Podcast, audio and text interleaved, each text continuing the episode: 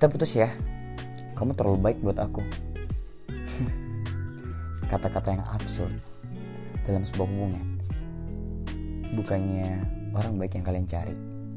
Tetapi itu menjadi alasan utama yang kau ucapkan bukan? Pasti ada faktor lainnya.